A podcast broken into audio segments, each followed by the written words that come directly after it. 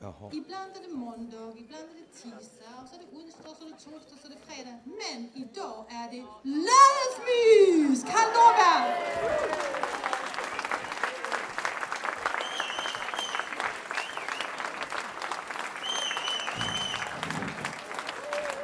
Ja. Får vi väl se hur det går med tekniken först då kanske. Ja, precis. Här gäller det att köra hårt. Vi diskuterar lite hårdare istället. Det är ingen som hör att det morrar? Nej. Det hör jag också. Jaha. Ska vi... Får vi... Ja. Nej, nej, nej, nej, nej, nej, nej, nej. Det är, det är inte aktuellt om jag säger som så. Jag ska nämligen tråka ur, ut er ordentligt idag har jag tänkt. Nej, jag måste, fi- jag måste fäkta med fingrarna och såna här grejer, så det går inte. Vi ska prata om oss själva och hur vi ser på omvärlden och varför vi gör det. Våra känslogrundande värderingar. Det är en ganska viktig grej faktiskt. Och eh, hur vi ser på omvärlden. Och det blir inte just så jävla mycket bättre av om vi har fel uppfattning om omvärlden. Jag är hyfsat oskyldig alltså.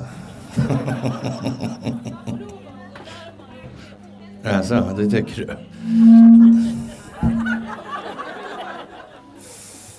Ja, det var ingen bra idé, nej. Jag kanske får dra ner lite grann då kanske. Jag vet inte. Ja, det är nog lurt med det här helt enkelt. Och eh, en bra grej att känna till, det är att veta vad man är. Det är en bra grej för att man ska kunna or orientera sig vidare mot framtiden. Nu låter det lite bättre här. Alltså, du tycker jag ska ha tre mickar på mig nu? Ja, det låter ju... Ja, vad roligt, vad roligt.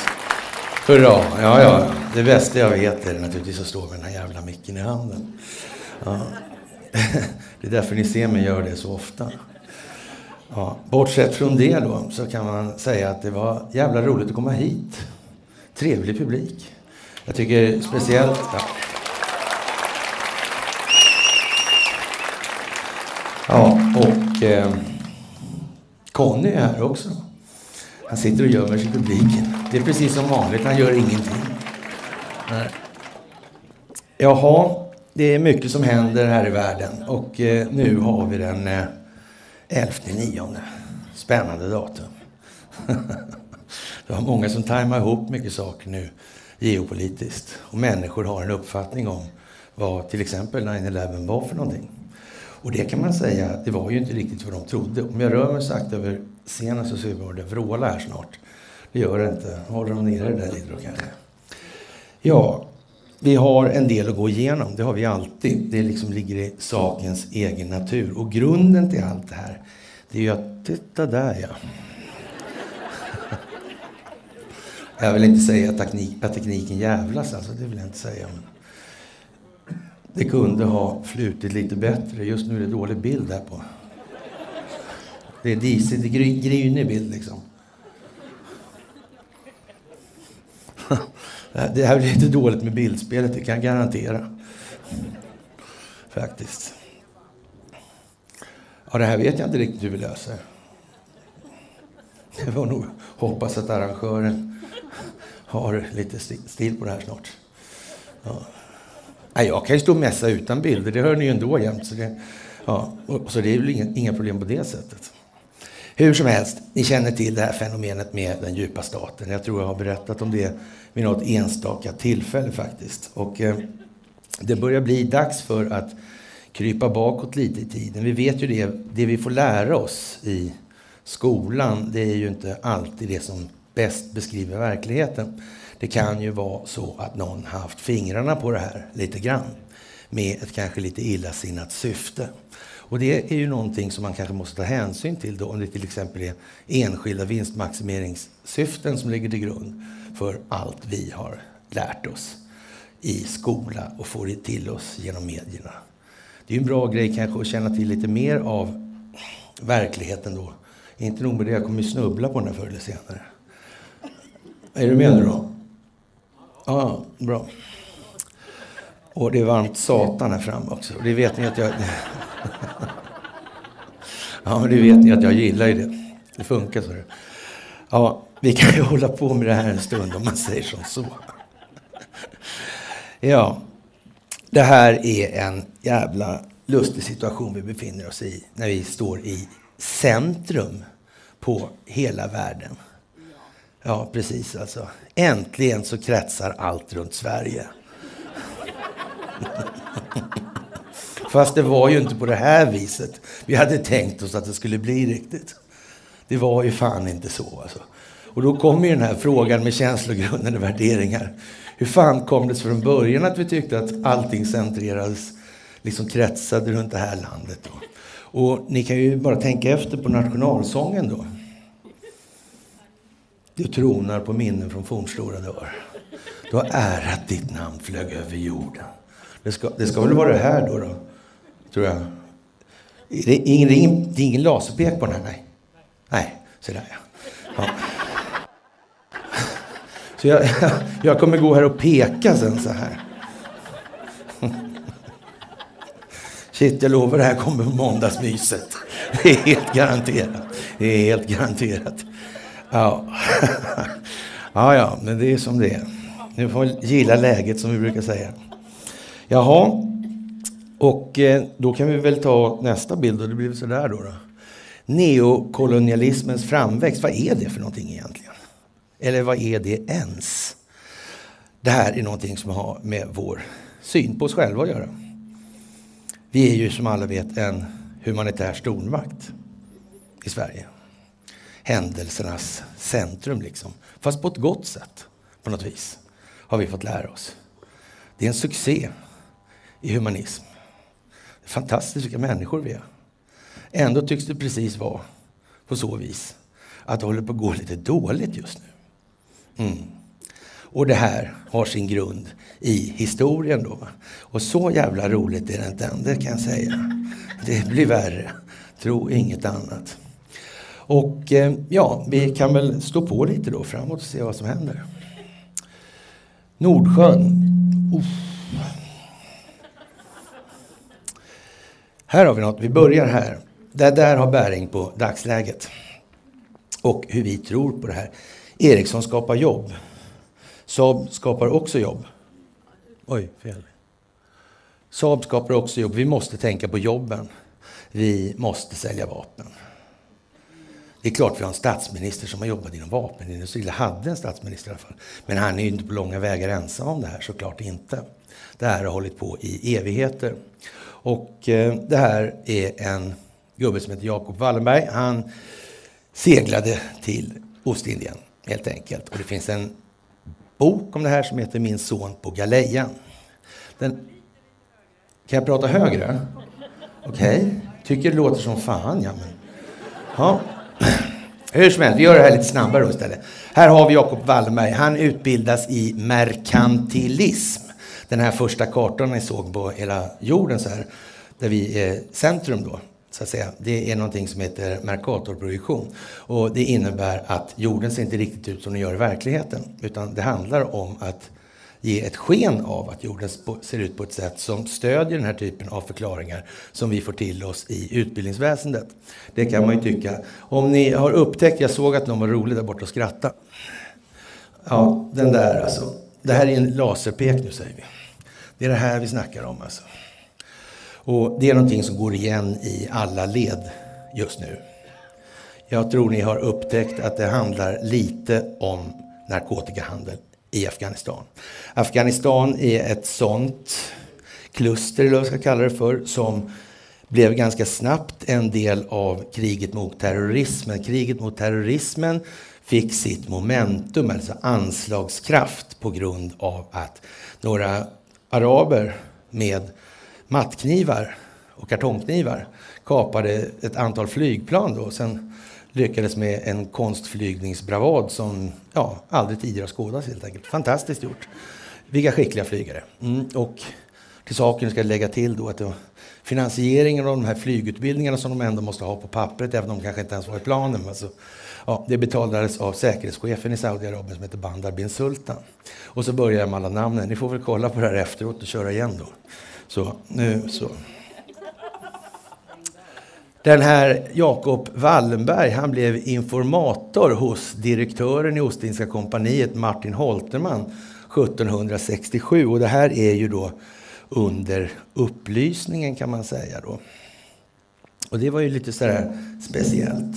Är du säker på att de andra inte funkar? Han åkte som skeppspräst till Kina med Ostindiefararen Finland då 1769. Och eh, ja, Wallenberg har en lång historia i de här sammanhangen alltså. Och där sitter grunden i allt det vi ser idag.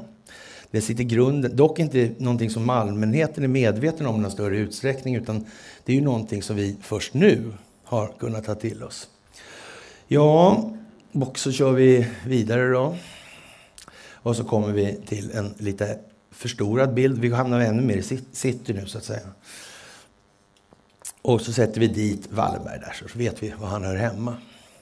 Och eh, på den tiden var ju Norge inte så norskt om man säger som så. Det var en gubbe som hette Gustav som dök upp på scenen här. Han var Sveriges kung 1771. Då blev han det. Han gjorde en statskupp 1772 som en konsekvens av att adeln hade börjat fiffla alldeles för mycket med de här Ostindiska kompanierna. De hade så att säga brett ut sig rätt mycket i samhällskroppen. Och det var väl inte så där helt lyckat för ja, de tänkte helt enkelt på sitt bästa, inte på någon annans. Och ja, det blir som det blir då. Han blev mördad av samma anledning då, naturligtvis. Och det var på en maskeradbal, ja. Här finns det någon som är med. Perfekt. Ja, här har vi Gustav, han står på Sverige då. Sen har vi Gustav den fjärde Adolf. Han blev kung, eller ja, han levde 1778 till 1837. Så. Det kanske svalar där borta, jag tänkte så det var. Han tar över efter sin far. Han tar över efter sin far. Jaha. Okej, jag ställer mig borta igen. Ja, men det här är för jävla keff alltså. Ja. Och han får skulden för att Sverige förlorar Finland och Pommern till Ryssland. Här har det här geopolitiska spelet för länge, länge, länge sedan tagit fart. Det gäller att få tag i Rysslands naturresurser. Och eh, man kan väl säga så här, det pågår än idag alltså. Det här och är, är inte precis några jävla nyheter.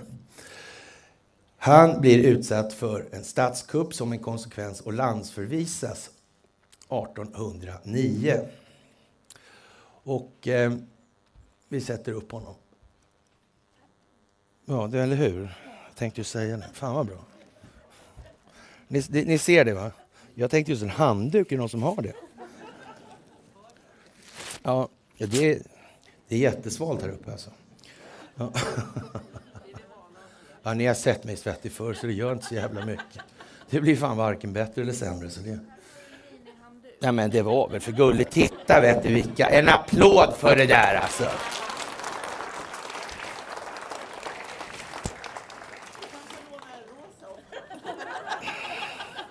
Det här håller ju på att bli rena samkvämet. Ja, jag ska lova att hålla mycket bättre. Så jag inte blir så svettig. Ja. Karl den trettonde dog 1818, född 1748. Brände som ansvarig Nils Henrik Liljensparres utredning som pekade på omfattande konspiration mot sin, Gustav, sin bror Gustav III. Då hade de här gänget som höll på med Ostindiska kompanier, då, då hade de tyckt att det, ja, någon jävla utredning behöver vi egentligen inte ha. Sådär. Utan då fick Ankarström skulden istället. Han intar tronen efter Gustav den fjärde 1809. Det här är liksom lite viktiga år nu kan man säga egentligen. 1809 händer någonting. Vad händer då? Kom igen nu. Krig? Nej. Ah, nej, nej, nej. nej. Ni är helt, på helt fel spår. Kolla. 1792, vad hände då? Vi börjar så här istället.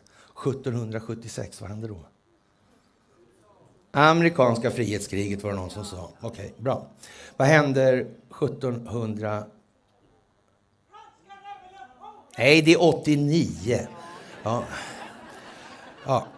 Hur som helst, vi säger så här, man börjar 1792 att införa, direkt efter Gustav III, så börjar man införa den svenska högsta domstolen. Det Lustiga är, det gör man i USA samtidigt. Vad heter den första amerikanska delstaten? Bra. Ja, så. Ni ser ungefär, det, det tycks jävla sitta ihop det här alltså. Men det kanske inte gör det och ingen känner någon annan. Vi får se, helt enkelt.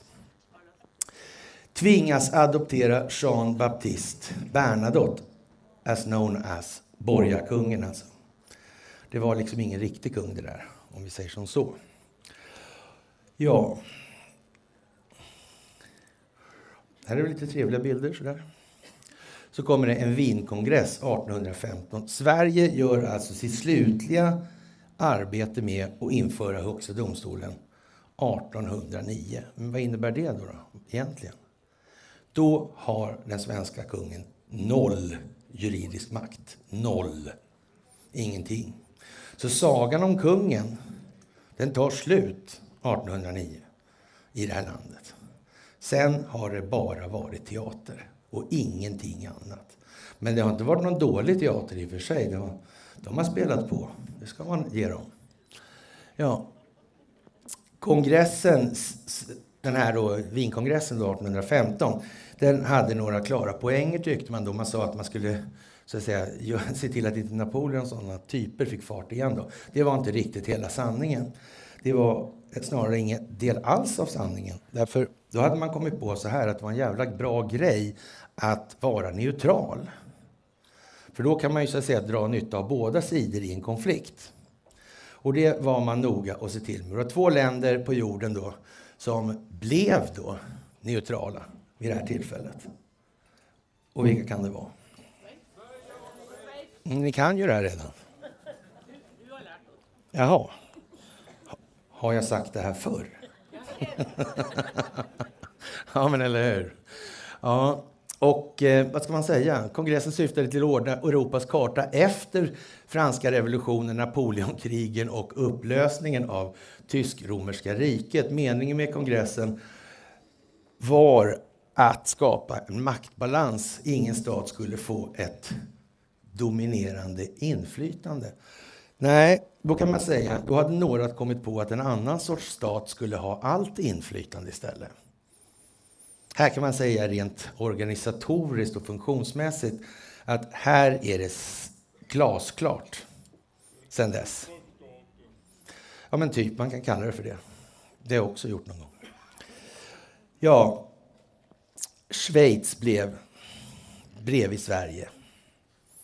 Ja, alltså en neutral status. Och sen har man naturligtvis vänt på allting baklänges hela tiden sen dess. Och om vi har en uppfattning om oss själva som är 180 grader ifrån vad verkligheten har gjort gällande egentligen. Och återigen det här med sanning och verklighet. Ord är viktiga alltså. Sanning har en betydelse, verklighet har en annan. Verklighet verkar lika för människor och det är alltid bara i nuet som verkligheten finns. Så sanningen är enskild och verkligheten är gemensam. Det är bra att komma ihåg nu. Och nu ska jag inte tjata om språkvård och Erik Velander idag, för ni har sett mig så många gånger, eller hört mig så många gånger tjata om det. Men språket spelar alltså en avgörande roll för hur vi klarar av att beskriva våra tankar och känslor för oss själva. Och om vi hela tiden sitter på fel ingångsvärden i allting, ja, då lär det ju bli lite snett på slutet om man uttrycker som så. Jag måste liksom torka mig återkommande. Och jag lånar in rosa snart också. som, som en selfie kanske. ja, Sängkammarregementet då. Med Karl XIV Johan, borgarkungen. Kungafamiljen Bernadottes anfader och Sveriges kung 1818 då. Och då kan man säga, då är kungens roll ganska marginell och ja, han är en riktig symbolfigur helt enkelt. Låg till sängs mest, mest hela dagen och skötte sina regeringsåtaganden, det vill säga underteckna vad adeln helst ville. Och det var alltså samma adel som höll på att fiffla med de här Ostindiska kompanierna. Här har vi själva grunden till varför det ser ut som det gör. Och eh, om någon tror den här humanitära stormakten egentligen är vi då, så måste man kunna komma på varför inte Sverige blir inbjuden till konferensen idag i Afghanistan när de ska utropa sin nya regering. Men alla andra som vi kallar diktaturer och dumskallar, de tycks vara inbjudna dit. Det känns inte som de saknar oss. Har vi gjort något fel måhända? Det skulle kunna vara så. Va? Det kan det vara. Ja. ja, och sen kör vi igen då. Flyttar upp de här så det är lite bildskönt. Sen har vi en biskop här. Men tro mig, alltså, det blir bara bättre det här. Det blir riktigt sådär, nej men vad fan kommer man tycka sen? Och det är riktigt, det är tråkigt alltså. Jaha, 1814 och 1815, då översätter Wallenberg Iliaden och Odysseen. Det har ni hört mig säga 10 000 gånger eller sådär kanske. Ja. Och det kan man ju säga, det är bra om man har koll på orden då och om man gör sig, ger sig själv tolkningsföreträde då på allting. De här sagorna kan ju möjligtvis tänkas få en lite annorlunda betydelse beroende på vem som översätter dem. Det är inte säkert att sen, om sensomoralen egentligen kanske betydde att så här ska vi bete oss för att inte hamna i problem eller så här ska det vara det ena eller andra. Då är det ju en sak. Men om det kommer någon lirare som ska så gynna sin egen sak på alla andras bekostnad, då kan man ju tänka sig att översättningen kan ju bli lite dragen åt det hållet rent utav. Kanske. Faktiskt. Han prästvigs då, den här äh, löken då, Wallenberg. De heter ju alltid lika, det tror jag ni har upptäckt faktiskt. Ja. Han prästvigs 1817 och promoverades till teologidoktor 1818 då, i samband med Karl XIV Johans tronbestigning, lustigt nog. Är det någon som anar något här eller? Inte? Nej, utan det är bara helt okej. Okay. Ja, det bara blev så, ja precis. Det, var, det, det fanns så in i helvete med biskopar på den tiden. Va? Men vad fan, lyssna då. Ja. ja. Det fanns så in i helvete med biskopar helt enkelt på den tiden. Man kunde inte ens hålla räkning på dem. Liksom. De är 20 på dussinet. Alltså. Ja, och så han, ah, biskoparna kände inte kungen helt enkelt. Eller? Troligtvis hade han hört talas om kungen och kungen om honom. Det kan ha varit så, ja. Eller hur? Ja. Och kyrkan vid den här tiden var väl då, kan man säga, en ganska potent maktfaktor fortfarande.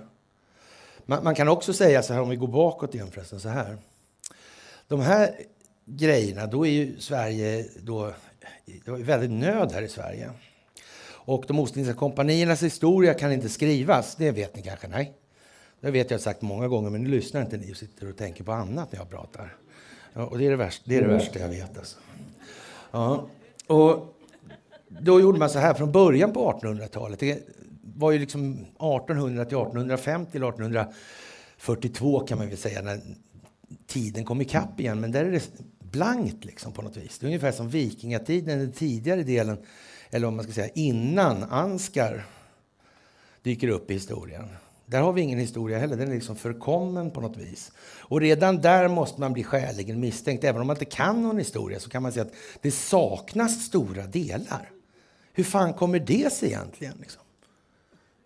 Hur kan det ens vara så? Det måste väl rimligtvis bero på att någon har tänkt att det ska vara så? Eller var det ingenting som koms ihåg från den tiden överhuvudtaget? Det kanske var så. Okej. Okay. Ja, då kör vi lite till då.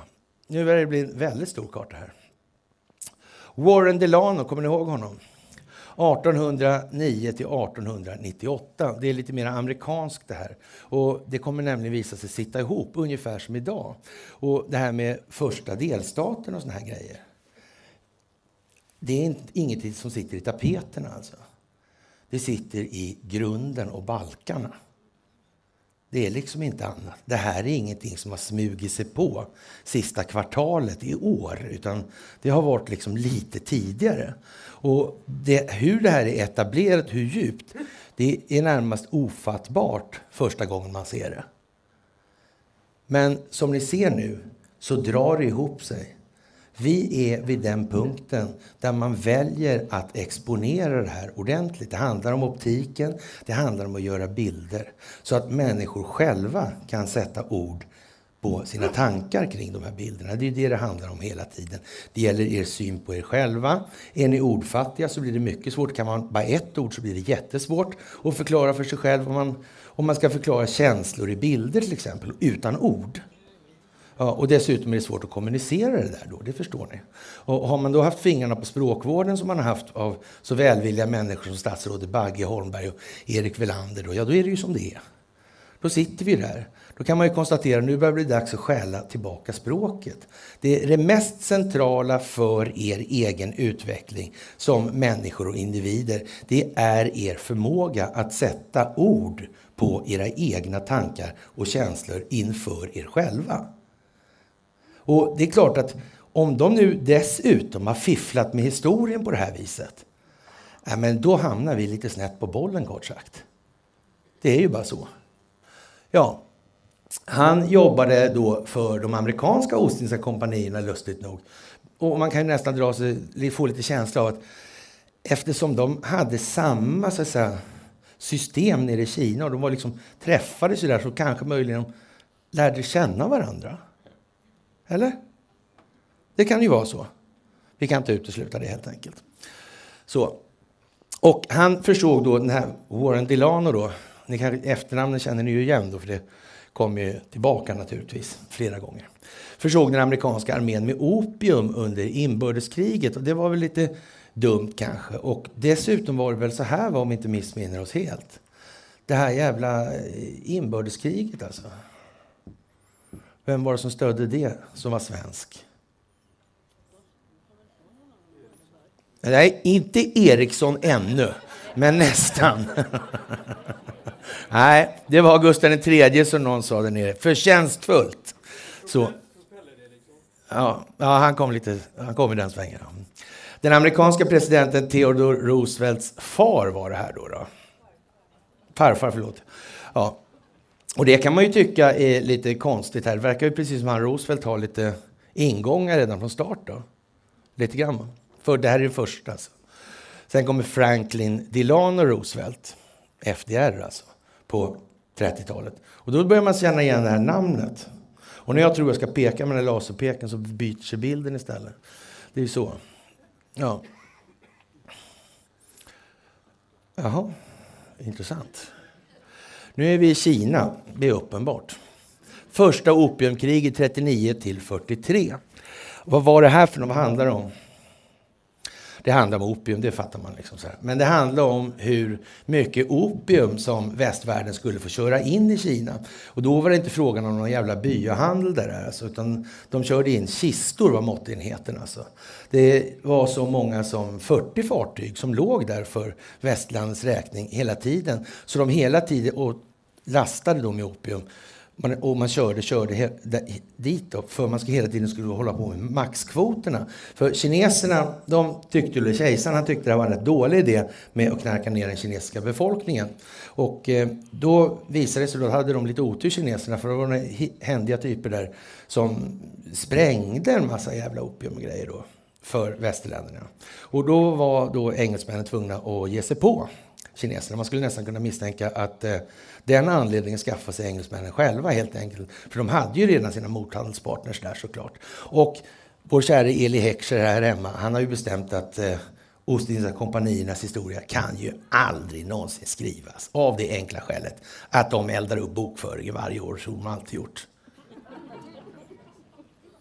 Det är samma Heckscher-familj som bakom det som vi kommer till sen, Ostasiat. Det är samma Heckscher-familj som hand, eller Handelshögskolan i Stockholm. Som kontrolleras av...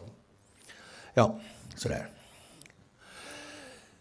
Jaha, det kan man ju... Det låter ju så här i alla fall. De har ju sagt att det är så här. Mm. Och då får vi väl tro dem då. Men vi köper det så länge. Och eh, ja, lösningen blev alltså opium. Och det var väl jättebra för kineserna tyckte vi. Och inte nog med det, när vi kom längre fram i tiden där så fanns det heroin istället och det var patenterat av samma jävla gäng som vanligt. Och det här opiumet gjorde man morfin av och så löste man det här i ättika så hade man heroin. Ja, och då blev det mycket mera drag i drogerna så att säga. Ja, man fick högre verkningsgrad, gjorde bättre byteshandel helt enkelt. För heroinet var ju mycket, mycket billigare. Så, också och mycket starkare. Så. Li Sexu får i uppdrag att stoppa Brittiska Ostindiska kompaniets olagliga handel med opium och förstöra en större last, se bild då. Britterna kräver skadestånd. Kriget som Kina förlorar är ett faktum och det var ju naturligtvis engelsmännen själva som arrangerade det. Och den här figuren då, Lin Sexu, han stod väl på lönelistan då och hade funnits där en stund kan man misstänka. Det är väl ungefär, om vi ser till dagens ja, lilla jubileum då med 9-11, så är det ju ingen som på allvar tror då att alla underrättelsetjänster på hela jorden hade sovit på jobbet hela dagen. Ni hajar varför? Ja, men kolla, när någonting som händer som 9-11, då, då är det så här. Då har underrättelsetjänsterna uppenbarligen missat lite. Jo, men det är säkert alltså. Det är helt säkert.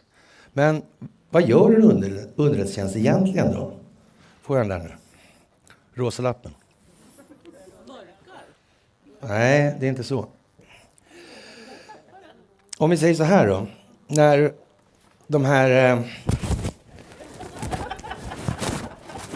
det kan ju haja det varmt. Jag har, hela, jag har hela öronen fulla med mickar och skit också. Där, så det, ja. Nej, jag får köra den här jävla rosa handduken här. Alltså, det blir så ja, men kolla här nu istället. Så här. När Isis kommer, vi tar som nu då, så nu har ni lätt att hålla, hänga med i tiden i alla fall. Ja, inte massa konstiga namn och historier. När Isis kom, och så finns det massa underrättelsetjänster som, ja, i alla fall på pappret, är emot det här. Och om de skulle vara det i verkligheten, vad gör en underrättelsetjänst då för någonting? Vad gör underrättelsetjänster? Jo, de infiltrerar och korrumperar. Det är vad de gör. Okej? Okay? Så man kan säga att när Isis dök upp, då flinade Ramzan Kadyrov i Tjetjenien från öra till öra, såklart. Och Isis fick massa tjetjener helt plötsligt. De infiltreras tillbaka, såklart. Och Det innebär att om vi tar den analogin på 9-11. Hur fan kom det sig att inte en enda västerländsk underrättelsetjänst som absolut visste vilka talibaner och al-Qaida de här var kom på den briljanta idén att fråga innan. Eller de kanske sov de också på jobbet? Det där kan inte ha hänt. Alltså de är alltid infiltrerade de här. Dessutom är de styrda, men de är lika fan infiltrerade för kontrollen över dem. Så underrättelsetjänsterna vet vad de håller på med. De accepterar liksom inte konkurrens på det sättet. Det är ju liksom inte konkurrensutsatt verksamhet. Alla som försöker konkurrera med underrättelsetjänster om deras områden kommer upptäcka att det går jävligt dåligt efter en stund. Det är liksom helt självklart. Så 9-11 är ju uppenbarligen någonting som har blivit jävligt konstigt och alla som fattar sånt här fattar ju direkt att det är någonting som är sådär. Va? Det är precis samma sak när det gäller de här utpressningsgrejerna. Alltså, business liksom. Alltså underrättelsetjänstkollektivets utpressningsmonopol. De liksom gillar inte små skabbiga hundar som kommer och gläfser. Liksom. De tar bort dem då. Det är bara så det fungerar. Och så har det alltid fungerat. Sverige är naturligtvis ett praktexempel på saken. Haijby-affären till exempel. Kurt Haijby utpressade Gustav V. Det blev rättsrötsskandalerna på 50-talet, de här grejerna. Jaha. Och bara för att förstå vidden på hur jävla tajt det här är.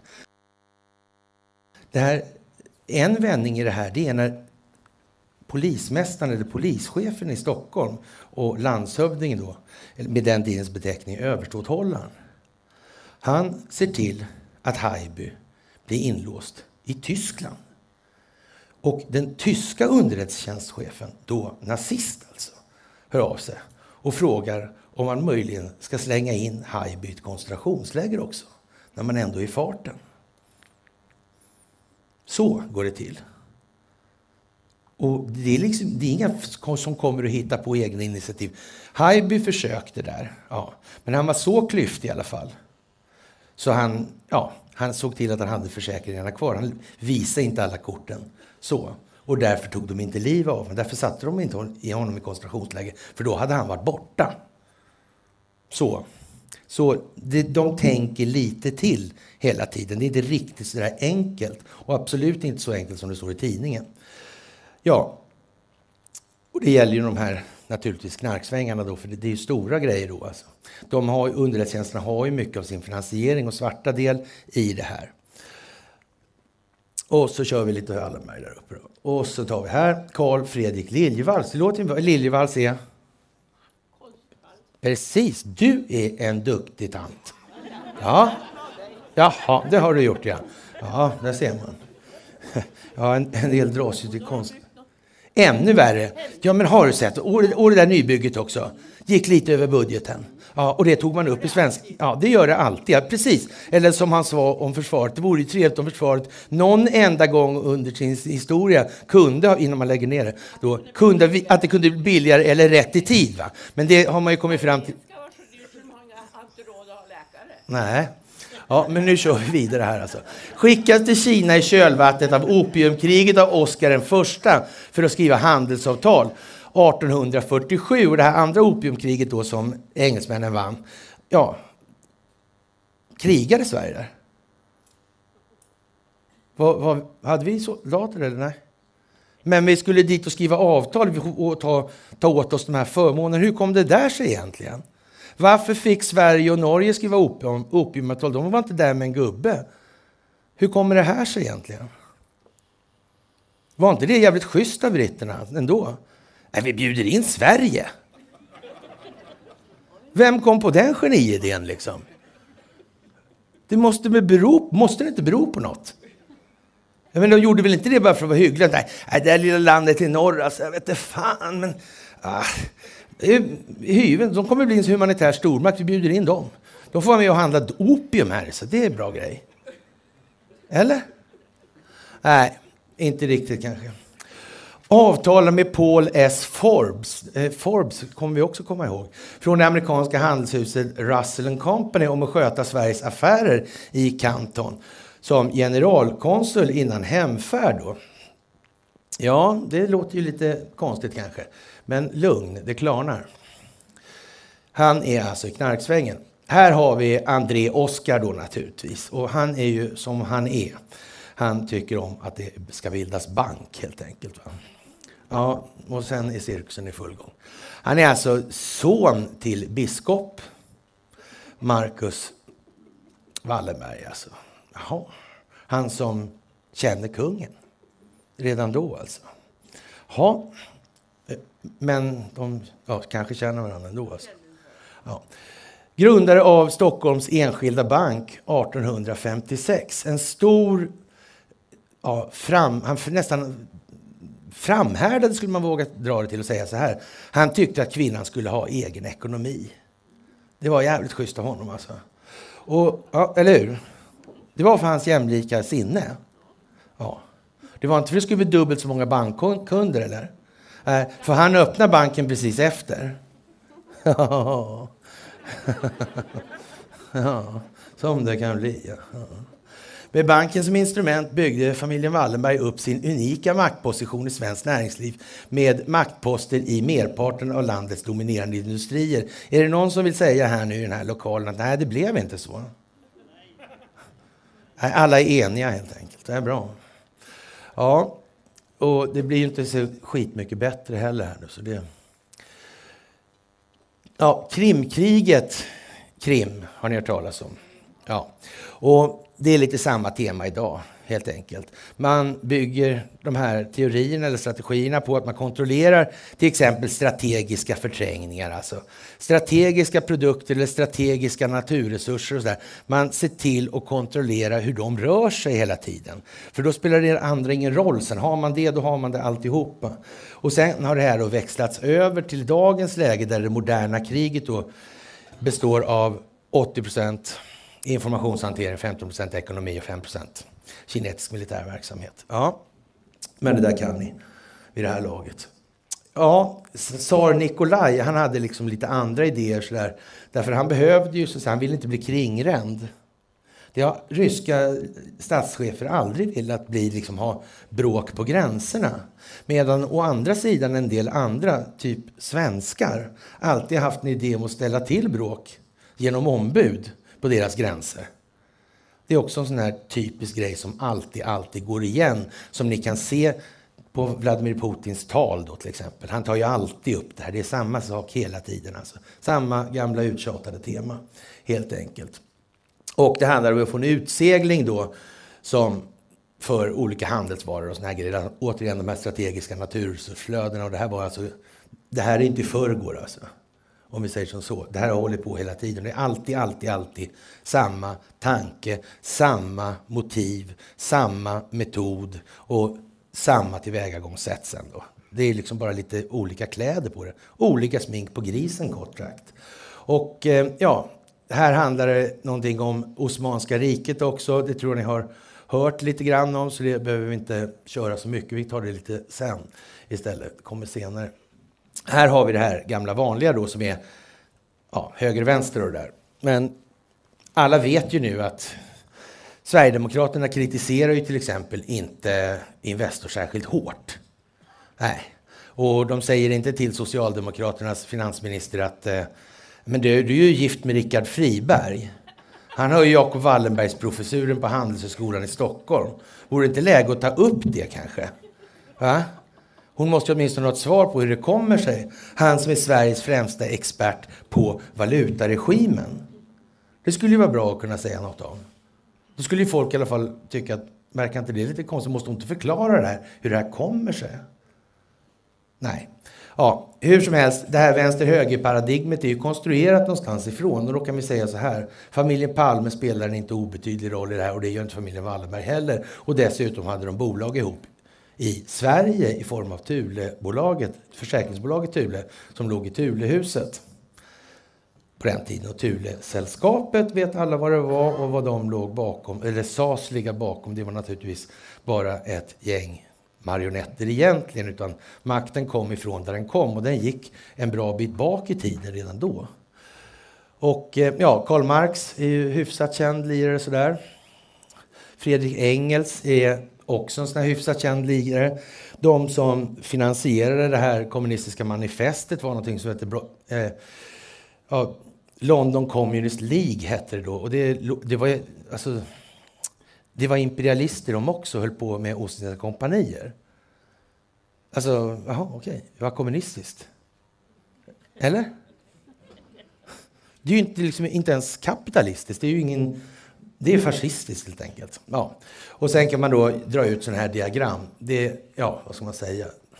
De författade alltså det kommunistiska manifestet och det var ju med en tanke då att skapa polarisering såklart. Det måste ju en motpart då. Och sen dyker de här jävla motparterna, ja, byter de namn hit och dit genom historien. sådär. Och det är också någonting som ni faktiskt känner till. Och eh, här är ju några exempel på ja, några som har tyckt olika saker och hur de har ställts emot varandra över tid. Då. Och det väl, kan man väl, ja, jag vet inte det. Ett exempel alltså. Så. Och så kommer Moses Hess in här då i det här och han är ju någon annan figur så där kan man säga. Och han är ju ideolog då i nazist, nazistiska sammanhang brukar man kunna säga då. Så här. Men det är också en kuliss. Så egentligen så är det ju bara liksom Ja, det är smink på samma jävla gris hela tiden. Det är som Särim, när den går, varje morgon är den ny. Liksom. Det är ju samma syfte hela tiden, allting. Ja, och sen har vi höger, vänster här då. då. Och sen då? Jaha, det gör jag. Ja, det gör jag. Förlåt. Du ser bara det. Theodor Herzl, den känner ni igen. Ja. Och det här sitter ihop, lade grunden till det som Theodor Herzl senare utvecklade till en politiserad gren av judendomen, sionism, som vilar på samma partiseringsgrunder som nazism. Och det är naturligtvis beroende på att det är samma bakomliggande krafter och strukturer, samma jävla personer om igen. Det är liksom inte, det är inte tusen stycken, det är som Sjökvist och Åsa-Nisse alltså. De byter, han byter bara keps på dem liksom. Och nu känner vi inte varann. Och det är därför man gör som man gör nu. Gör optiken med Börje Ekholm. Börje Ekholm sitter i ledningen på Alibaba.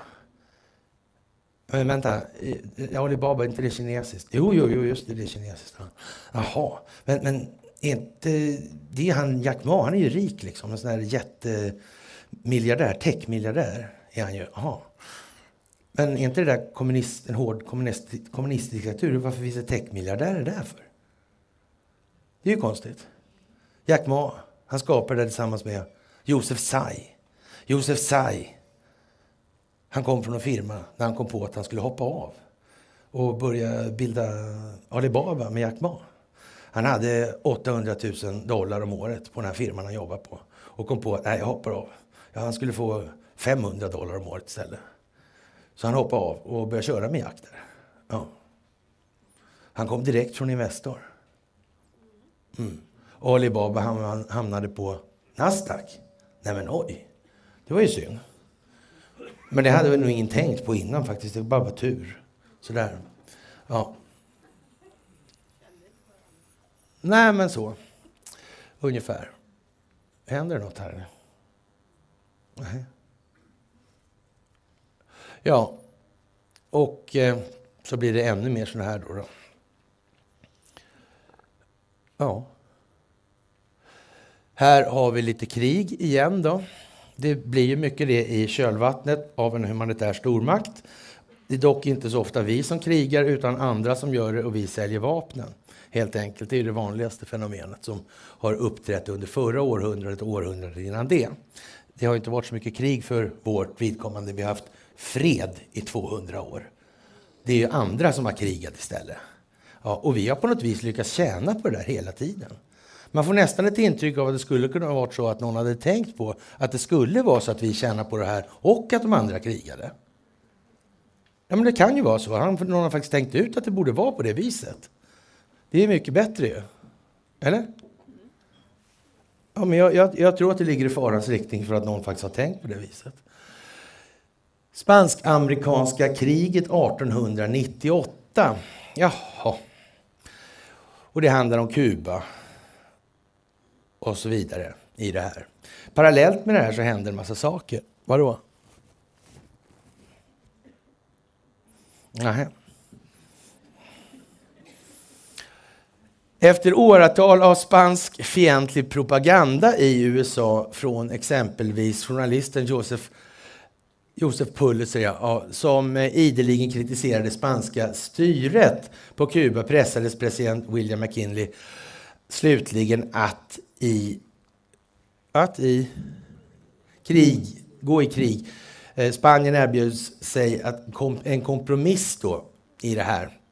Men USA svarade med ett ultimatum där de krävde att spanjorerna helt enkelt ja, skulle överlämna ön då. Och eh, jag vet inte vad man egentligen ska eh, säga om det här. Det är ju liksom samma sak som vanligt. Det det handlade om den gången var Panamakanalen som var under byggnad till exempel. Ja, och det här, när det här håller på, då har året blivit runt 1900 och då börjar det hända grejer. Var då någonstans? Då börjar det hända grejer i bortre Asien.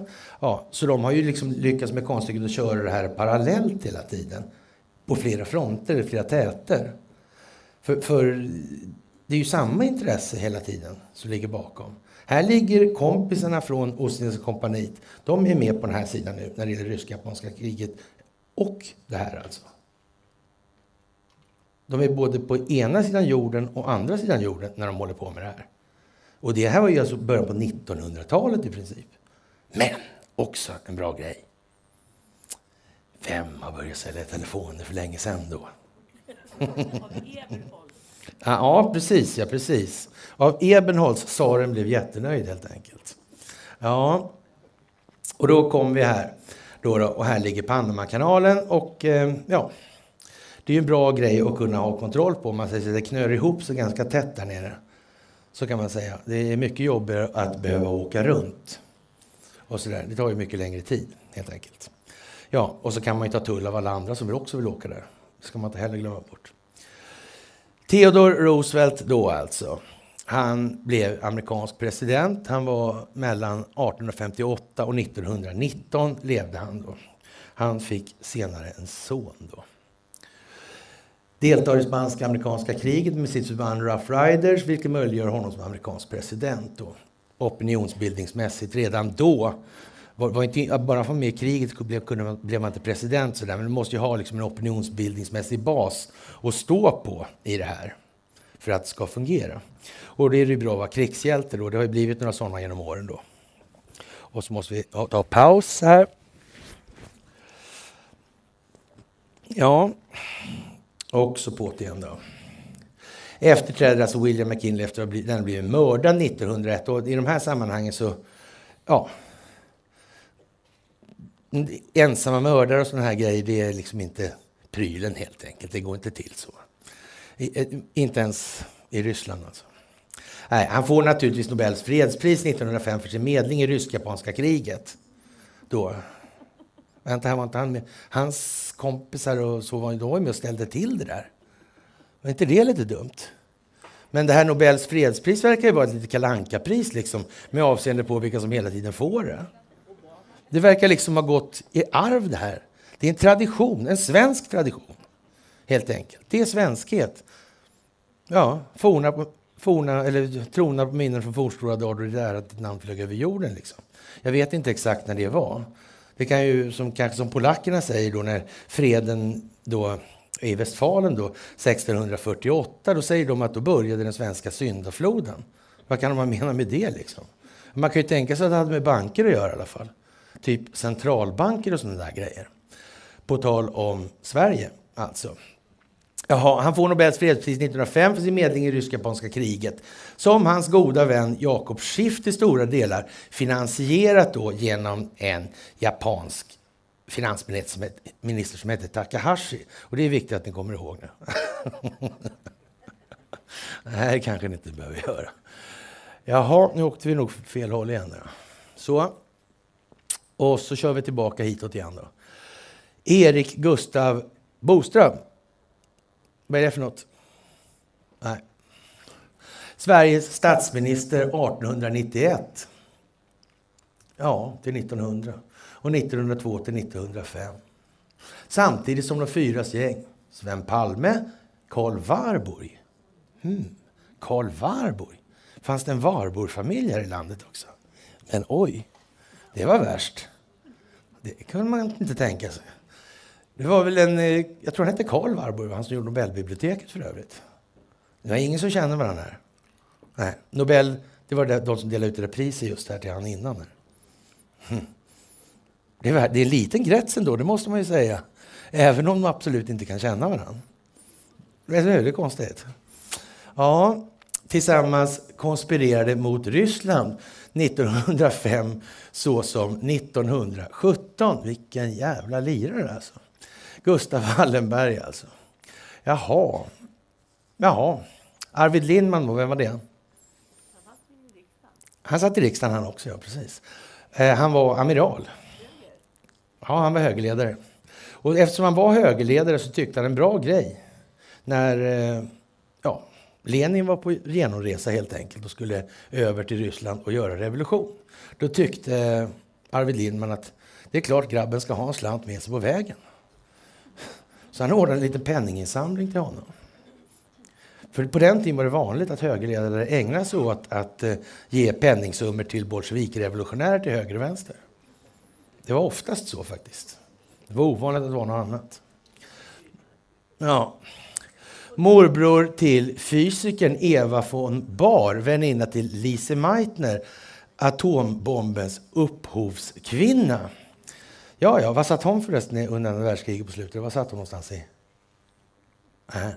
Jag hade en föreläsning i... Nej, det gjorde inte, satt i Ljungaverk. Men jag är i Sverige i alla fall. Jag hade, och sen träff, åkte hon ner och träffade sin systerson då i Kungälv. Ja, och där utbyttes det massa information, för han var med i det här Manhattan-projektet då.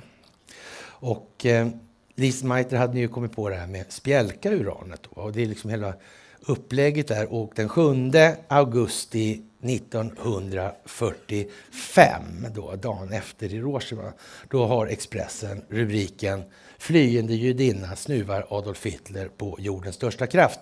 Det är möjligt att Expressen inte kom ihåg att han hade tagit livet av sig i april, men ändå. Då. Det, man får ju ursäkta att hon kanske inte hängde med så mycket. Men ja, det blev ju ändå lite tokigt sådär alltså. Men grejen var ju att Lise Meitner satt ju här i Sverige och gjorde de där grejerna helt enkelt. Och Ljungaverk tillverkade tungvatten då, eller tungt vatten, som man använde för att bromsa den här reaktionen. Så den inte börjar skena helt enkelt. Så. Nej. Ja, nu då? Ja, Mohandas Gandhi då. Gandhi är ju konstigt alltså. Mm -hmm. Vad har han med det här att göra då? För det har han. Inte bara på den grunden att det är Ericssons största arbetsgivarland där de har mest anställda. Alltså.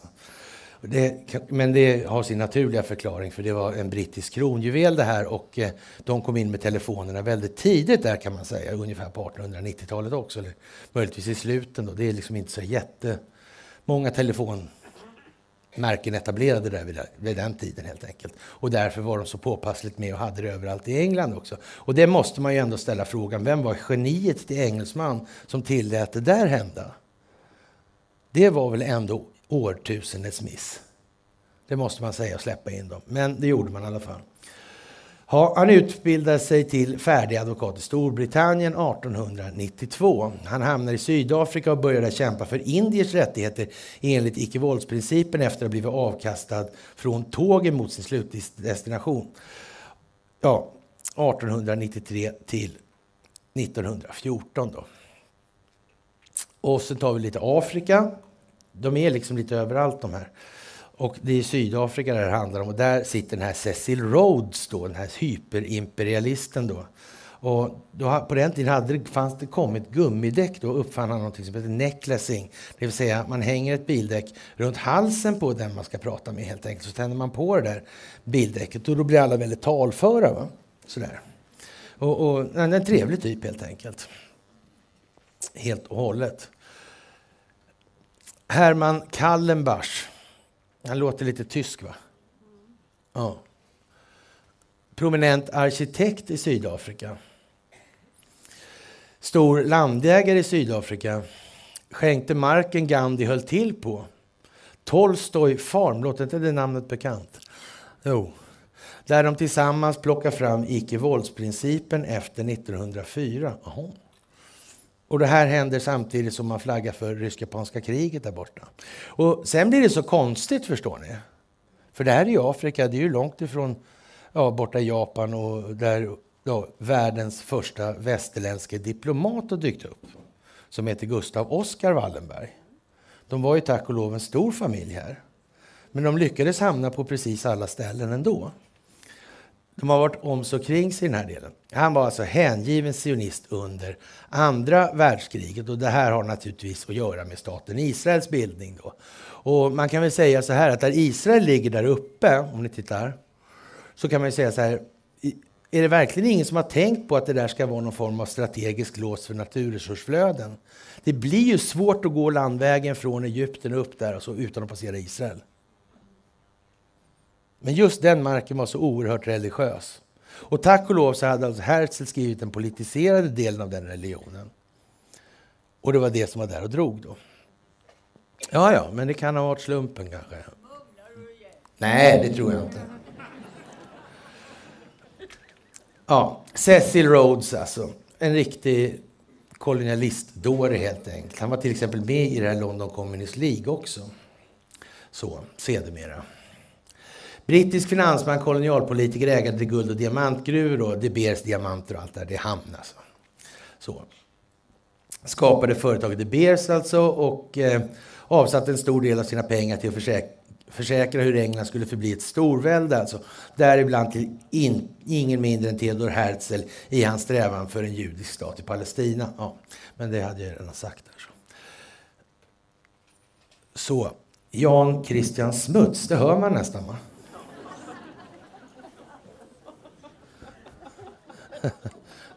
Nå, ingen presentation nödvändig. Ja, man tror ett skämt, eller hur? Det är liksom universums ironi liksom. Ja, ja. Han gjorde så gott han kunde. Sydafrikansk general och politiker var premiärminister 19 till 24 samt 39 till 48. Juridisk rådgivare åt Cecil Rhodes då. God vän med Winston Churchill. Smuts och Gandhi överenskommelsen The Indian Relief Bill av 1914 gör Gandhi till rikskändis i Indien över natt då alltså. Som frihetskämpe som man därefter återvänder till då. Edvard Hambro. Ja, Everard Hambro. Ja, vad var det här för några lirare? Hambrobanken har ni hört mig tjata om. Det tror jag ni kommer ihåg.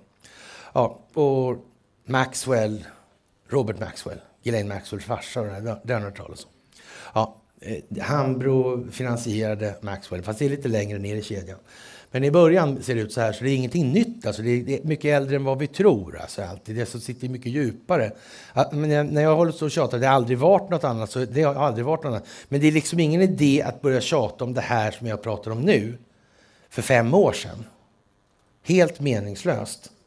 Det är alldeles för få som är på banan. Men nu börjar ni kunna se, nu låter det här goja för er i alla fall, då, men vänta bara om några veckor eller några år, då kommer ni tycka, vad helvete vad dumt alltså. Helvete vad dumt. Och det är helvete vad dumt. Ja. Brittisk bankir och misantrop, ja, vars far var en dansk immigrant som grundade bankdynastin Hambro. Satt i styrelsen för Bank of England mellan 1879 och 1925. Låter inte det länge? Han måste ju ha vuxit upp i alla fall innan han började jobba där. Ja, Antingen var de jävligt nöjda med den eller också var de inte nöjda med den. Antingen kontrollerade de Ostindiska kompaniet Bank of England, gjorde de inte det. Chefen för Bank of England från 20 till 44 hette Montague Norman. Ring då. Ja. Och han, eh, ja, han hjälpte ju Hjalmar Schacht och Marcus Wallenberg med Tysklands finanser i, under mellankrigsåren. Det här är liksom samma lilla gäng hela, hela tiden. Ja, och så tar vi lite mer om lilla gänget då. mediegrundare till Bank of India. Undrar vilka som styrde den då möjligen då kanske. Ja. Sonsonen Charles Hambro slår sedermera ihop sin bank med Wallenbergs British Bank och Northern Commerce 1921. Men de kände inte alls varann. Nej. Och Hambro mutade inte Himmler. Och Wallenberg diskuterade inte med Hewitt om att avsätta Hitler. Hitler visste att, de var, att Abwehr hade avlyssnat det, så Hitler visste om allting. Han vågade inte göra någonting åt saken. Nej, men inte det konstigt? Så berättas det ju inte för oss. Men det här är ju faktiskt öppna uppgifter. Det är ju bara att slå själva. Det behöver inte liksom... Det är bara att köra. Ni kommer hitta det på en gång.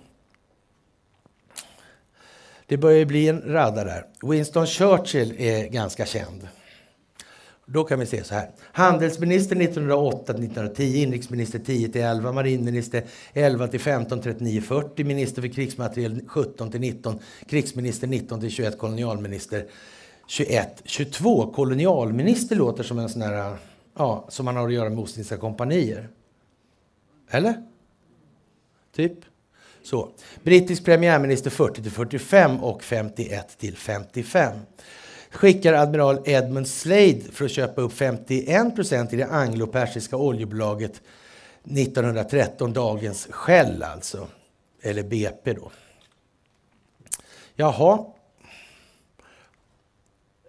Admiral Edmund Slade, ja, chef för brittiska marinens underrättelsetjänst, de hade ju flera underrättelsetjänster redan då, drev igenom Declaration of London, överbefälhavare för marina östindiska, eller ostindiska avdelningen då, hette det. Madeleine Slade, dotter till admiral Edmund Slade, Gandhis följeslagare i Indien i sin kamp för indiskt självstyrelse enligt icke-våldsmetoden. Indierna var oerhört många människor. Härska genom söndring gällde som metod alltid, såklart. Jaha. Och han var väl det han sa, var Gandhi? Var inte? Icke-våld, ja. Mm. Och sen kom kommunismen. Vad hette gubben som grundlade kommunismen i Indien då i efterhand? Tror jag? Palmedutt hette han, ja. faktiskt. En gren av familjen Palme. Palmefamiljen som satt ihop med Wallenberg i Tulehuset. Oj! Det var inte precis som de behövde... Ja, de visste vad de hade varandra helt enkelt. Och det gjorde de tillsammans. Så är det. Otto Warburg igen, det är Warburg-familjen igen. Det är samma som går runt hela tiden. Det är ju ingenting annat. Tysk botanist. Vad kan det landa i då? Tro. Ja, nu ska vi se här. Valdes till ordförande för sionistorganisationen 1911 som den fjärde i ordningen. Alltså det här var någonting som Theodor Herzl hade kommit på, säger man då. Men han hade inte kommit på någonting i de här sammanhangen. Det är ju uppenbart att han springer ju till exempel i ledbanden för de här som styr allting annat. Men helt plötsligt skulle han börja styra något då, eller? Eller också gjorde de som de ville och han gjorde också som de ville. Det kan vara det ena eller det andra. Inte, och sen kan man hålla på med mycket Alltså det finns de här, ja, som Kent Werner säger om mig, då, de här judiska konspirationerna, sån där skit liksom.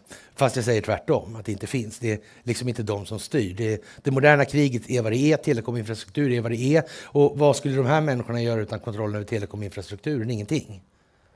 De är lika lättplockade som vem som helst annars. Så. Jaha, han flyttade till Palestina 1920 för att utveckla agrikulturen där. Då, då. Det måste ju finnas några på plats, ungefär som Gustav Oskar Wallenberg fanns på plats i Turkiet när freden i Lausanne kom till. Då fanns ju han där. Och det är naturligtvis bara en tillfällighet. Och att det här blev en så bra tillfälle som till och med sa upp sitt svenska medborgarskap sen. Fantastiskt, och blev turk istället bara. Så. Han som skrev opiumavtalen, förlängningarna på de gamla, alltså från 48, som Sverige så snällt fick vara med i. Så skrev ju han nya avtal 1907. Två år innan det, när han och det här gänget sitter i svenska riksdagen 1905 alltså. Då har de här fiffiga typerna startat ett nytt rederi i Göteborg som heter Ostasiat. Som absolut inte får blanda ihop, blandas ihop med det där hemska bolaget Ostindiska kompanierna. Det är något helt annat tydligen. Det är visserligen samma gubbar med de här hela tiden. Men det är inte alls samma sak. Och det här var ju två år innan som de började med de här grejerna med att bilda det här. Men sen skrev han det här opiumavtalet, då, eller det gynnsamma avtalet kallar man det för i historieböckerna. Mycket gynnsamt avtal. Va? Samma last. Samma last, ja. Ganska så säkert, ja. ja. Det, det får man nästan anta. Och, och, på den vägen är det ju lite grann så det, ja, det kan vi ju kanske konstatera bara. Jaha, och det börjar ju bli en radda här och det är inte liksom, det är samma namn som går om och om igen. Abdulhamid då? Det har ni hört talas om? Nej. Ja. ja men det sjunger Karl Gerhard om. Lyssnar inte ni på honom hela tiden nu? Nej, då blir det bara mys med Karl Gerhard efter. Ja, Abdulhamid den andre alltså. Var det Osmanska rikets 34 och siste sultan. Det var han som torskade där alltså i historien nere i Turkiets, det dåvarande Osmanska riket och sedermera Turkiet ska jag säga. Jaha, vad innebär det här för något? Och det är där alltså som den här figuren Gustav Oskar Wallenberg dyker upp i runt 1917 där någonstans. Eller rättare sagt, det var då han inte fick åka tillbaka till Sverige så det blev lite fördröjt. Han fick åka runt och gjorde något andra hållet istället. Ja, han fick erbjudande från britterna att sälja Palestina men han avböjde. Han är då känd som en gubbe med moral genom historien. Det var lite bra gjort av honom faktiskt. Han gjorde ansträngningar för att modernisera det Osmanska riket via Rumeliejärnvägen och Anatoliska järnvägen och byggandet av Bagdad järnvägen. De här järnvägarna och telegrafsystemen utvecklades av tyska företag. Det var alltså grunden till första världskriget. Och de som höll på med sjöhandel och såna här grejer. Som typ hade, om vi säger som så, ett nytt rederi. Ville de att det skulle byggas järnvägar? Det tror jag inte. Det lär de inte ha velat. det lär de inte ha velat. Nej, nej. Ja, en festlig liten tillställning. Sådär. Federal Reserve Act 1913. Då är vi i USA istället. Och det roliga med hur man än hoppar runt på jordklotet så här, som vi gör nu, så hittar vi samma jävla lökiga familjer, samma lökiga gubbar. Och det är inte en enda blodsdrickande ödla eller tralala whatsoever. Nej, längst fram, Warburg, Williams, Hamlin, Delano. Längst bak stor grupp av politik, politiker och banker. Ja, men eh, vem är det egentligen som har bestämt? Vem är det som har bestämt? Det är inget konstigt att de som bestämmer nu faktiskt gör det, för de har varit med och bestämt jättelänge. Det är bara så. Det är inga nyheter för någon i de här sammanhangen. Jaha, det här ser ju teatraliskt ut, höll jag på säga. Det var en skott i ja, Sarajevo, ja precis. Och det var ju, hade ju inte så mycket med... Det där skottet och järnvägen, de kände ju inte varandra, på säga. Men, men ja, det måste ju ha något igång. Så, det måste bli ett moment. Och då fick det bli en teaterkuliss igen då. Ungefär som kriget mot terrorismen. Mm. Så är det här samma sak. Jaha, nej. Så då. Första världskriget handlade med andra ord inte om några, vad står det? Fällda skott i Sarajevo, och jag har knappt sett de här förut faktiskt, utan utgjorde endast den gnista som behövdes för dessa anglosionistiska finansiella intressen att det är för, det är för jävla långt alltså. Ja, ja men vi, vi kan ta det så här. Det ottomanska riket faller och ska styckas upp. Och där finns det där Sykes-Picot-avtalet då. Och det är två stycken gubbar som ligger till grund här. Den ena är engelsman och den andra är fransman. Picot är fransmannen alltså. Ja, också Balfour-deklarationen då som handlade om att staten Israel skulle bildas och så vidare. På det palestinska mandatet som inte engelsmännen ens kontrollerade vid den tiden ska man ju tillägga också. Så det var lite luftigt hållet det där löftet kan man väl säga då. Så här. Och eh, ja, och det är att låsa de här transportvägarna som vi redan pratat om. Så. så ja, ni ser ju ungefär då nej, var Israel ligger här. Då. Det, det, är, det är som det är. Ja, och sen har det blivit som det har blivit. Och Picot i det här fallet då, när man delar upp, eller när det Ottomanska riket faller, och då blir det lite sådär, ja, man, man, Frankrike uttrycker det så här. Vi föredrar härskare genom söndring som metod för hela Mellanöstern. Och Picot han är så jävla fiffig dessutom. Så han, eh, ja, han styr bort fransmännen från Armenien helt enkelt. Och, ställer till, och, och dessutom kommenderar han turkarna. Och han ser till att det armeniska folk, folkmordet blir av. Rätt, jättekäck typ. Och det är turkarna fortfarande upptagna med att tjafsa om. Och det är ju lite märkligt. Men vi kan vara helt säkra på att Erdogan känner till det här faktiskt. Vi är inte de enda här nu som vet det. På jorden. Jaha, och så mera. Ja, ni ser ju Sykes-Picot. Alltså franskt inflytande, brittisk kontroll, brittiskt inflytande, internationell zon. Då. Här har vi Mark Sykes, då, det är den ena gubben. då. Brittisk diplomat anställd som honorär, an, honorärattaché i Konstantinopel ledde en bataljon frivilliga och verkade en tid som brittisk emissarie i Kaukasien. Ledde de hemliga förhandlingarna för brittisk räkning i det som skulle bli känt som Sykes-Picot-avtalet sedan 1916. Och det finns den här boken Roten till det onda då. Och sen har det blivit hundra års ofred där. Och det har ju aldrig någonsin varit meningen med något annat. Och det är den här konstruktionen som man säger då från rysk sida och turkisk sida så här att vi måste gå tillbaka till tiden före Sykes-Picot. Därför Mellanöstern var ganska sekulär på den tiden. Det var inte alls de här dumheterna som är nu. Och, och, det fanns ingen till exempel islamisk fundamentalism på det sättet. Det var ju någonting som City of London såg till hände 1916 genom de här arabiska upproren. Då. Och så gjorde man, snodde man ihop det här till en stor, ett stort land och så gjorde man huset Saud till kungahus och så gjorde man familjen Wahab till religiösa uttolkare av de här skrifterna då. Och det fungerar ju precis som i fallet med Jakob Wallenberg, eller Marcus Wallenberg som översatte Iliaden och Odysseen där till exempel. Då har ju, då har ju de tolkningsrätt och tolkningsföreträde.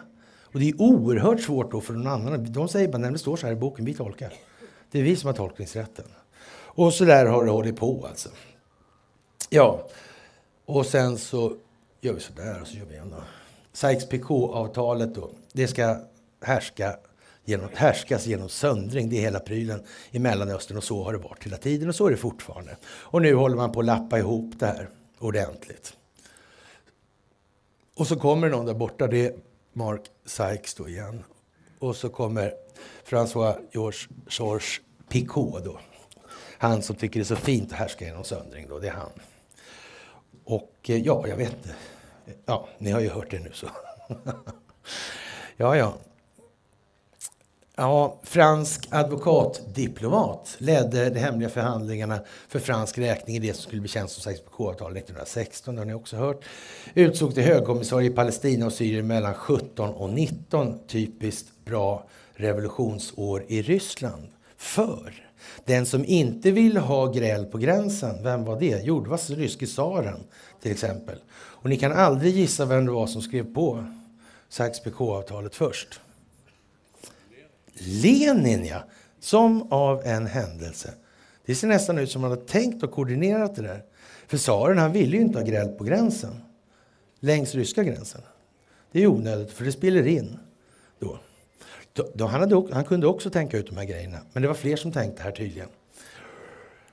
Jaha, föredrog taktiken härska genom söndring i Mellanöstern. Det har jag sagt sex gånger nu tror jag faktiskt. Ja. Palestinska for the Jew, Palestine for the Jews och så vidare. så här. Och det här är då Balfour. Och det här är ju en ren jävla teater såklart. De fattade redan då att de inte skulle synas. Det fick bli marionetter rakt av. Och på den vägen är det. Det har inte varit så mycket annat någonsin. Öppet ägande må vara en sak, kontroll är något helt annat. Och så kommer det att förbli. Jaha. Jag vet inte. Milner, medförfattare och ingick i samma intressesfär som Cecil Rhodes, det är alltså en imperialist. Det är runda bordskonferenser. Hetman, ja, det är ett begrepp som finns kvar fortfarande. Det är Milners försorgare här. Då, då.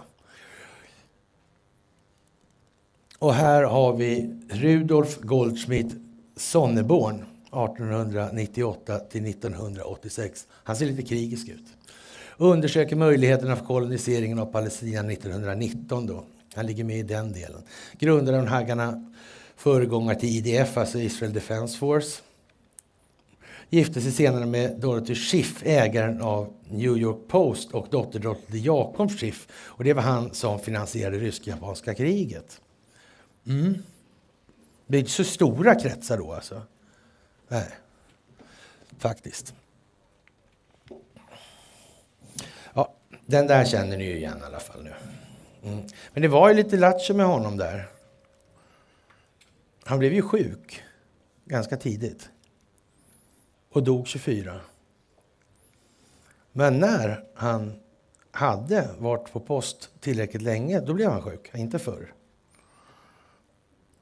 Vad gjorde han då? Jo, han skrev ju på Sykes-Picot-doktrinen, det gjorde han ju. Och sen gjorde han något mer. Han införde något som heter Narkomfin, den sovjetiska centralbankskommittén. Då hade han satt centralbanken på plats, sett till att det skulle kunna bli bråk på, runt gränsen. Var inte det konstigt agerat för någon som tänker vara statschef? Centralbanken är väl kanske ingen höjdare för befolkningen, men det kanske han begrep, man vet ju inte. Rysk revolution 1917 via Tyskland och Sverige underrättelsetjänstofficer Max Warburgs ja, benägna hjälp. Liksom rysk revolution 17 via Tyskland och Sverige och underrättelsetjänstofficeren Max Warburgs benägna hjälp. Warburg hjälpte han alltså till där. är inte den Warburg-familjen, den satt ju i svenska riksdagen liksom. Insyltningen verkar ju vara helt grov liksom. Ja. Först att skriva på att godkänna gränsavtalet Sykes-Picot 1921 var det. Som han gjorde det. Versaillesfreden 1919 var naturligtvis en ren jävla bluff och det var aldrig ägnat att bli någonting annat. Det skulle bli krig igen, helt enkelt. Det blev inte som man tänkte sig. Och eh, ja, Ivar Kryger är inte så pigg på det här att det ska bli krig igen och han gör vad han kan för att förstyra, försöka styra av det här. Och han har hjälp av ett antal gubbar då till exempel. Det fanns till och med folk i Japan som hjälpte till då. En gubbe som heter Inokai till exempel. Och han mördades sedermera av Svarta draken på pingstdagen 1932. Och det var ju bara några månader efter att den andra medhjälparen, då, Aristide Briand, som var premiärminister i Frankrike, hade gått och dött av någon konstig anledning. Och på begravningsdagen där så vistades Ivar Kryger i Paris och skulle skriva på eller få ett borgensåtagande påskrivet av svenska regeringen. Och det gjorde de och när de hade gjort det så blev han så glad att han gick hem och sköt sig.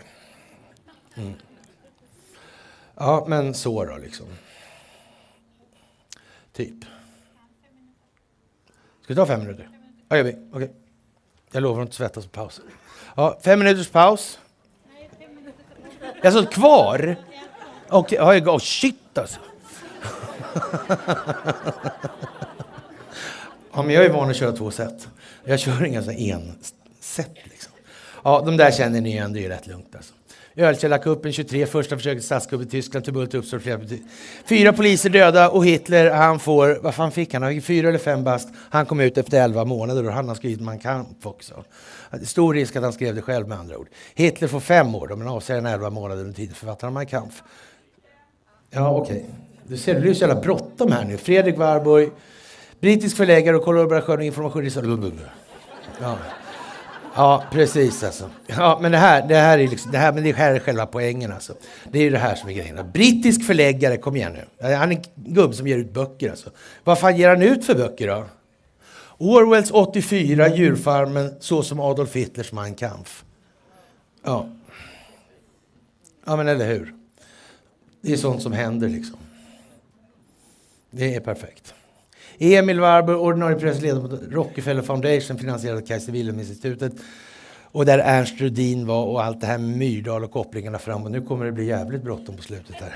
Ja, under hans ledning skapade han senapsgasen, även om kärnklyvningen av Otto Hahn och Lise Meitner är den mest kända upptäckten. Satt i ledningen för Kungliga Vetenskaps och Vitterhetsakademin då, eller samhället i Göteborg tillsammans med sin släkting Karl Warburg. Men kom igen nu alltså. Det sitter inte alls ihop där. Banksystemet i Wien måste, ja, det måste reformeras, inte saneras. Utan reformeras genom en kris. Ja, till, till IG Farbens fördel. Ordförande för kommittén för tyska bankväsendet reformering hette Wallenberg. Det har ni också hört. Och eh, ja, engelska punden måste lösas från guldet. Expansionen får inte bromsas. Alltså. Och svensken, svensken Ivar Krygers monopol måste brytas samman. Och det visste man om på förhand skulle hända. Det var ju fantastiskt att de fick rätt på det. Ja, sådär. Ja, Adolf Hitler som sagt var. Han blev rikskansler. invaderade Polen.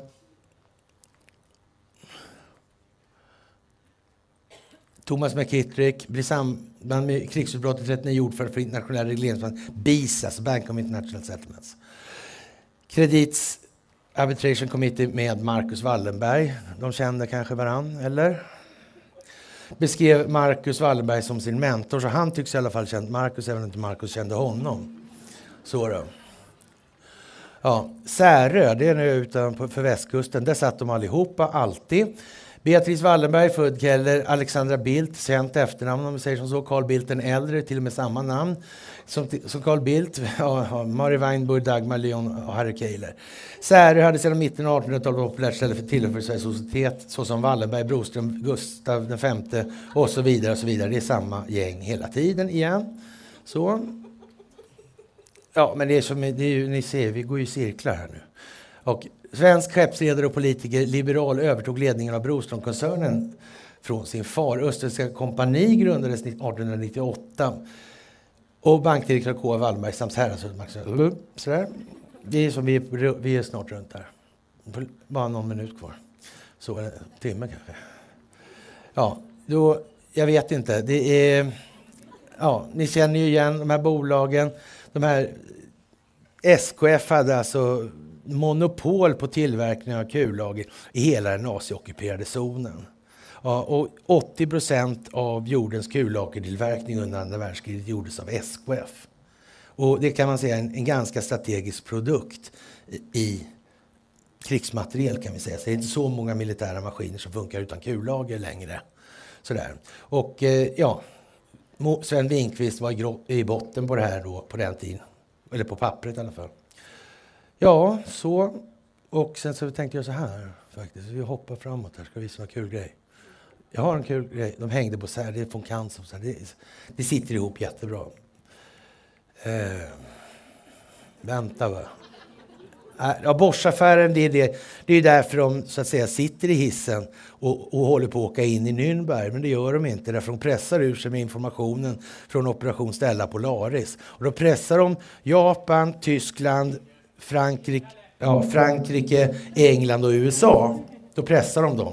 Att om ni snackar på oss, då kommer vi snacka på allt ert. Hela, vi kommer riva hela era länder för alltid och då vågar de inte sätta in dem där helt enkelt. Och då hade de ändå grejerna beslagtagna. De allierade vek sig, men engelsmännen sa sen att vi måste dra ett streck över det som har varit. De hade blivit för mycket hållhaka på sig helt enkelt. Så var det med den saken. Det där är ju alldeles för segt alltså. Här däremot så har vi någonting att titta på. Ja. Här har vi alltså Börje Ekholm då. Fan också, det är fel håll på den här också. Ja.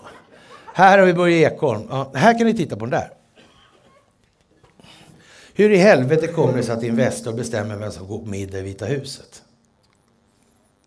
Är inte det lite märkligt? Det kan man tycka, eller hur? Det tänker inte alla på, helt säkert. På tal om vem som bestämmer över, eh, vad heter han, Klaus Schwab. Den där är det som bestämmer över honom.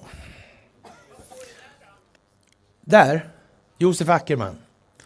Han, han har hyfsat inflytande om du kollar så här. Det är Deutsche Bank, det är Royal Dutch Shell och det är den där också. Och så är det Siemens, om vi säger som så. Det är inte någon jävla småhandlare där. Han har egna pengar. Inte så stora som de i mitten, men ändå. Och det är lite så här. Och sen kan vi säga så här. Vi avslutar med den här grejen då. Det där kan vi skita i också. Nej, men det är så att jag försöker hitta en bild här. Jag ska försöka bläddra fram så vi kan avsluta det. Vi har bara sekunder på oss. Och, och då hinner vi inte med det här med Iran och allt det här andra. ja, men vänta för fan. Det, ska bara, så här, en kul, det här är en kul grej. Det är en kul grej. Sagt, det här är ju... Ja. Där har vi honom. Det här är perfekt. Det här är perfekt. Ni, ni ser vad det är? Nej? Karl-Henrik Svanberg. We care about small people. Men kolla, är inte det här jävligt lattjo? Nu, nu, nu, såg ni i alla fall vilka som ligger bakom vad här. Och så tänker ni så här. Här har det alltså blivit världens jävla oljeborrplattformkris. Alltså. Event Horizon, den har vält då. Liksom. hela mexikanska gulfen är full med olja. Liksom. Karl-Henrik han bestämmer sig för att äh, men vi får nog fan ta och göra en liten ursäkt här. Det bestämmer inte han, utan det blir han tillsagd att göra. Så han måste ha en presskonferens. Karl-Henrik han ringer till Vita huset och säger jag behöver låna gräsmattan. Kan jag göra det på tisdag? Såklart, säger de. Det går bra. Ja, och på den vägen är det. Va? Och det hade varit så tidigare också. Ja, det såg väl ut så i alla fall att de hade någonting med White House Dinner att göra. Och Karl-Henrik han har väl varit både på Ericsson och Volvo, va? Eller hur? Mm. Så är det ju. Trist historia. Ja, men då så, då skiter vi i det här nu då. Ja, Okej, okay, tack.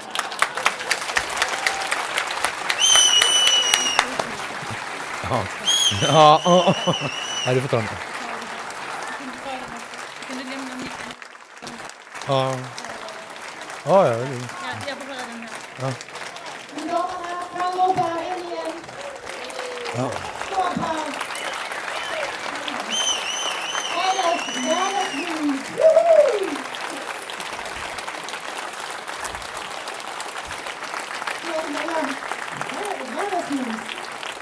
Ja, tack, tack, tack. Vad? Va? Nej, jag... Tack. Tusen tack. Ja, precis. Det var snällt. Det är lugnt.